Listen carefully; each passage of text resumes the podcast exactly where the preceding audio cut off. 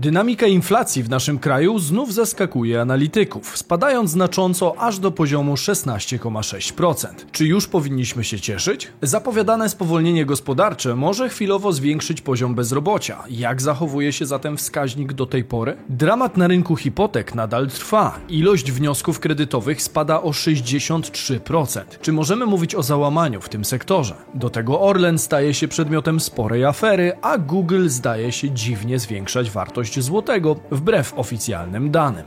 Dokąd zmierzał pieniądz w tym tygodniu? Sprawdźmy to. Bizweek. Cotygodniowy przegląd świata biznesu i finansów. Cześć, tutaj Damian Olszewski i witam Was serdecznie w programie Praktycznie o Pieniądzach i informacyjnej serii Bizweek, gdzie co tydzień otrzymujecie dawkę najważniejszych informacji ze świata biznesu i finansów. Warto zatem subskrybować kanał, aby być na bieżąco z tym, co dzieje się w naszych portfelach, a jak zwykle działo się sporo. Czas to pieniądz, więc zaczynajmy. Dynamika inflacji w Polsce znacznie spada. 5 stycznia Główny Urząd Statystyczny opublikował wstępny szacunek dotyczący inflacji. Dane po raz kolejny zaskoczyły i w bieżącym przypadku można śmiało mówić o silnym spadku dynamiki inflacji. Dane GUS wskazują, że ceny dóbr i usług konsumpcyjnych były w grudniu 2022 średnio o 16,6% wyższe niż rok wcześniej. Konsensus rynkowy był na poziomie 17,3%, czyli eksperci przeszacowali wzrost cen aż o 0,7 punkta procentowego. Oby więcej takich pomyłek. Co ważne, inflacja spada drugi miesiąc z rzędu. Póki co nie powinno się mówić o stałym trendzie, ale coraz bardziej prawdopodobny wydaje się scenariusz, w którym nie doczekamy się 20% inflacji. Przynajmniej nie w oficjalnych odczytach. Nie warto jednak popadać od razu w hura optymizm, ponieważ ceny w Polsce wciąż rosną. Oczywiście wzrost byłby wyższy, ale inflacja sięgnęłaby szczytu Giewontu, a może i rys. Rysów. Rysów czy rys? Rysów. Rysy. No, wycofuję się z tego. Szczytu Giewontu. 16,6% w skali roku to wciąż wysoki odczyt. W skali miesiąca ceny były wyższe średnio o 0,2% w grudniu względem listopada. W wyniku cofnięcia się inflacji pod koniec 2022 roku i biorąc pod uwagę grudniowy wstępny szacunek, średnioroczna wartość wskaźnika wyniosła 14,4%. Ostateczny i bardziej szczegółowy wskaźnik inflacji za grudzień 2022 pojawi się oczywiście za około dwa tygodnie, jednakże już teraz tradycyjnie znamy sytuację dotyczącą żywności, nośników energii i paliwa. W skali roku ceny żywności wzrosły o 21,5%, nośniki energii o 31,2%, a paliwa o 13,5%. Jak widać, najbardziej obciążające są teraz ceny żywności i nośników energii, a o spadających cenach paliw i noworocznej aferze wokół Orlenu przygotowaliśmy dla Was cały odcinek. Warto zajrzeć, jeśli jeszcze nie oglądaliście. 16,6% w aktualnej sytuacji to bardzo dobry odczyt. Jednak jak wskazuje główny ekonomista M-Banku, w styczniu inflacja prawdopodobnie będzie wyższa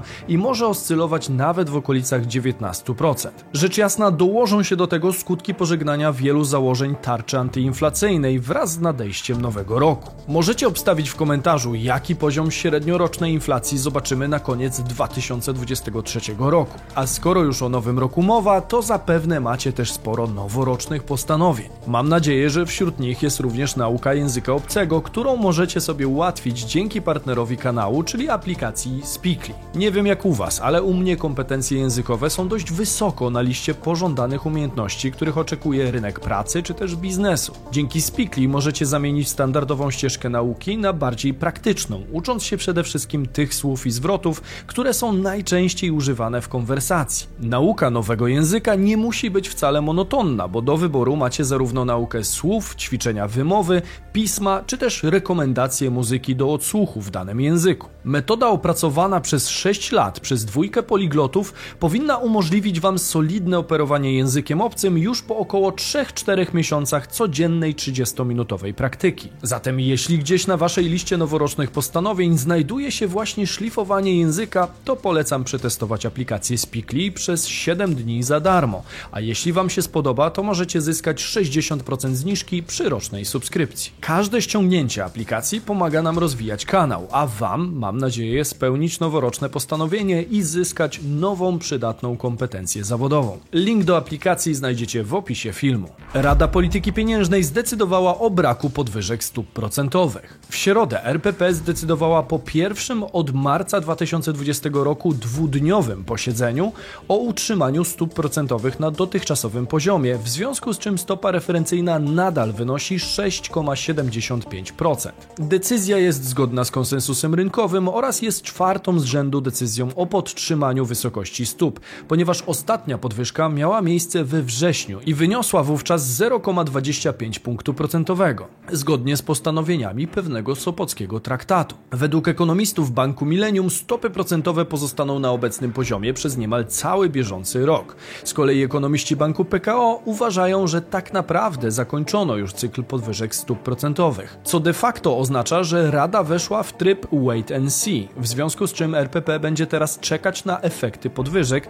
których dokonywała przez prawie cały ubiegły rok. Kamil Łuczkowski, ekonomista Banku PKO, uważa, że po chwilowym skoku na początku 2023 roku związanym z wygaszeniem większości elementów tarczy antyinflacyjnej, inflacja w dalszej części roku będzie się obniżać. Taki kształt ścieżki inflacyjnej oraz niechęć do szkodzenia i tak już słabym perspektywą wzrostu gospodarczego przekonuje gołębią część RPP co do zaniechania dalszych podwyżek stóp. Z kolei daleka odległość do celu inflacyjnego nie pozwoli na szybkie rozpoczęcie cyklu ich obniżek. W naszych prognozach zakładamy, że przestrzeń do takiego ruchu pojawi się nie wcześniej niż pod koniec 2023 roku. W teorii środowa decyzja zbyt wiele dla kredytobiorców nie zmienia, jednakże w rzeczywistości jest nieco inaczej, ponieważ WIBOR jest najniżej od wakacji i nic nie wskazuje na to, żeby miał przestać dalej spadać. Pamiętajmy, że na wysokość WIBORu duży wpływ mają prognozy co do dalszych ewentualnych podwyżek stóp, które raczej w tym roku już nie nadejdą. Wspominają o tym choćby analitycy HRE Investments, Bartosz Turek i Oskar Sękowski. W aktualnej sytuacji utrzymywanie stóp procentowych na niezmienionym poziomie oznacza obniżki rat.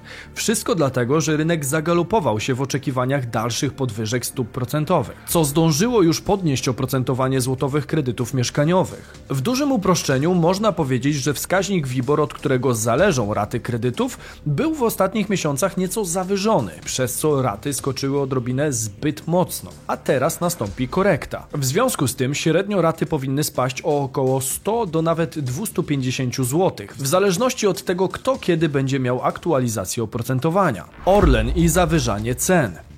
Od 1 stycznia 2023 roku przestała obowiązywać obniżka stawki VAT za paliwa i zamiast 8% znów wynosi 23%. Pomimo wzrostu VAT-u ceny na stacjach paliw wcale się nie zmieniły, co dla wielu jest zastanawiające. Różnego rodzaju spekulacje powstały na skutek solidnej obniżki cen paliw w hurcie, która miała miejsce z dnia na dzień na koniec roku. 30 grudnia 95 była sprzedawana w hurcie przez Orlen po około 5,70 do 5,90 za litr. Z kolei w Sylwestra i w Nowy Rok doszło do drastycznych obniżek i cena hurtowa została obniżona do poziomu 5 zł i 10 groszy. W związku z tym Orlen został oskarżony o sztuczne utrzymywanie stosunkowo wysokich cen paliw płynnych w końcówce ubiegłego roku. Czy tak faktycznie było, sprawdził Łokik, ponieważ Tomasz Chrustny, który jest prezesem Łokiku, poinformował o wszczęciu postępowania w sprawie sytuacji na rynku paliw w Polsce. Proszę Państwa, rynek paliwowy znajduje się w naszym ciągłym monitoringu. W dniu wczorajszym wszczęliśmy postępowanie wyjaśniające. Przyglądamy się bardzo mocno i chcemy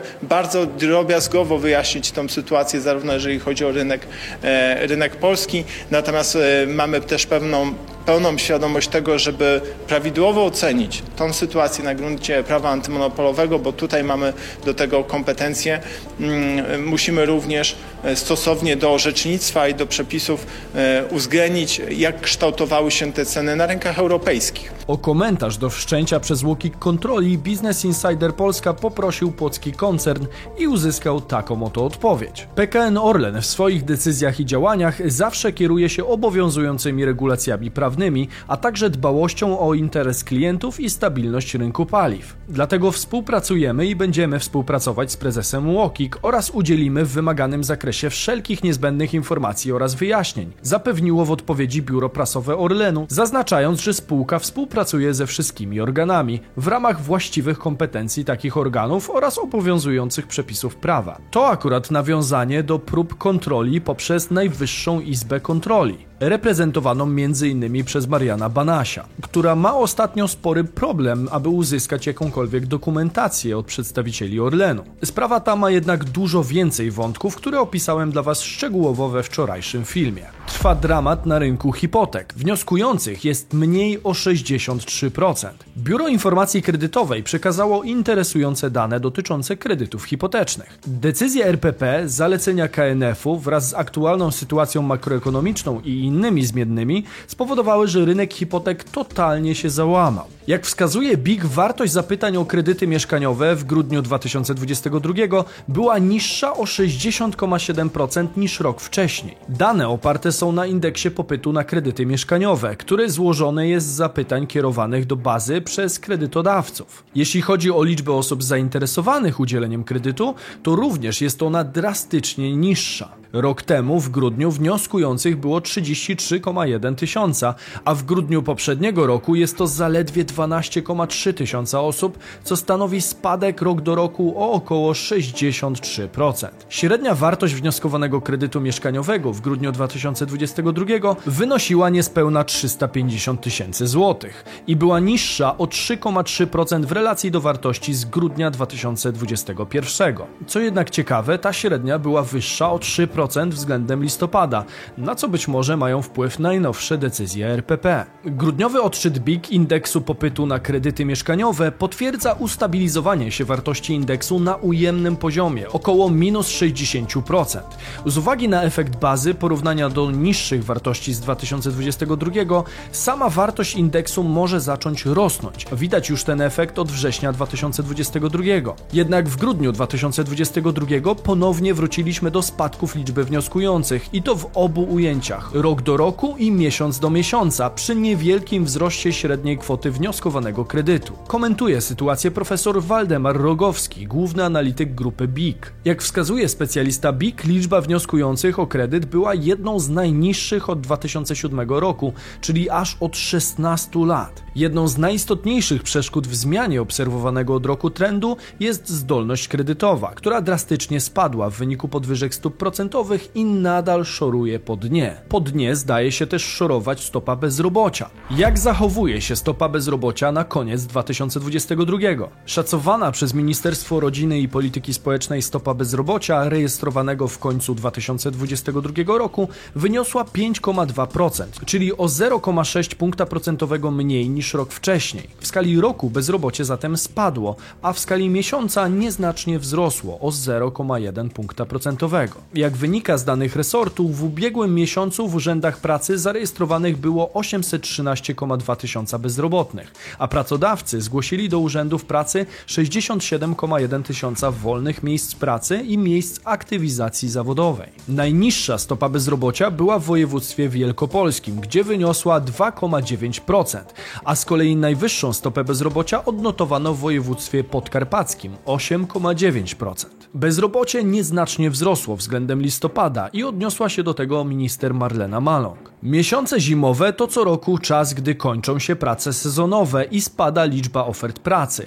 Jednak cały czas monitorujemy sytuację, a najnowsze szacunkowe dane o bezrobociu potwierdzają, że sytuacja na polskim rynku pracy jest stabilna. Szacowana stopa bezrobocia rejestrowanego na poziomie 5,2% w grudniu to dobry wynik. Nigdy w historii stopa bezrobocia w grudniu nie była niższa niż 5,2%.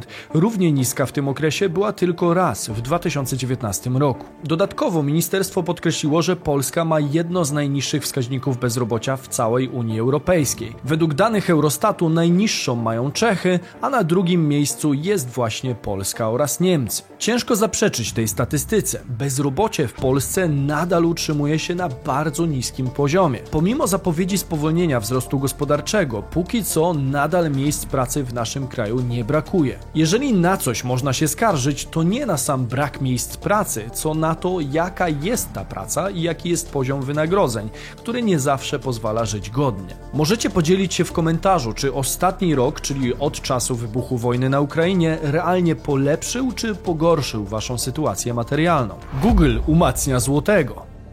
Na koniec informacja bardziej ciekawostkowa, bo wielu z Was pytało w komentarzach pod wczorajszym filmem, dlaczego Google wycenia złotego znacznie wyżej niż w rzeczywistości jest warty. Rzeczywiście w wyszukiwarce Google'a mogliśmy sprawdzić wycenę polskiego złotego w stosunku do dolara czy euro i była ona zaskakująco wysoka. Różnice między tym, co przedstawiała wyszukiwarka, a stanem rzeczywistym sięgały nawet dwudziestu kilku groszy. Dziwny sposób przedstawiania danych mogliśmy zauważyć również w przypadku innych rzeczy, takich jak na przykład indeks WIG20. Nie wiem jak teraz, ale wcześniej, kiedy kliknęliśmy sobie w maksymalny okres na WIG-u 20, to jego wartość w całym okresie wyglądała w następujący sposób. Zatem przez moment w piku mieliśmy naprawdę potężny indeks giełdowy. Zobaczcie sami. Póki co nie wiadomo z czego wynikały te anomalie w Google, natomiast jedno wiemy na pewno. Złoty wcale nie umocnił się tak bardzo, jak przedstawiała to wyszukiwarka, a szkoda. A jeżeli wy chcielibyście umocnić własną świadomość finansową, to zapraszam do następnych odcinków, które znajdziecie tutaj. Możecie też subskrybować kanał na dole, aby już zawsze wiedzieć dokąd zmierzał pieniądz i poszerzać własną świadomość finansową co tydzień. Jeśli doceniacie naszą działalność, to zostawcie hashtag Bizweek w komentarzu, a my widzimy się jak zwykle w sobotę i niedzielę o 15. Cześć!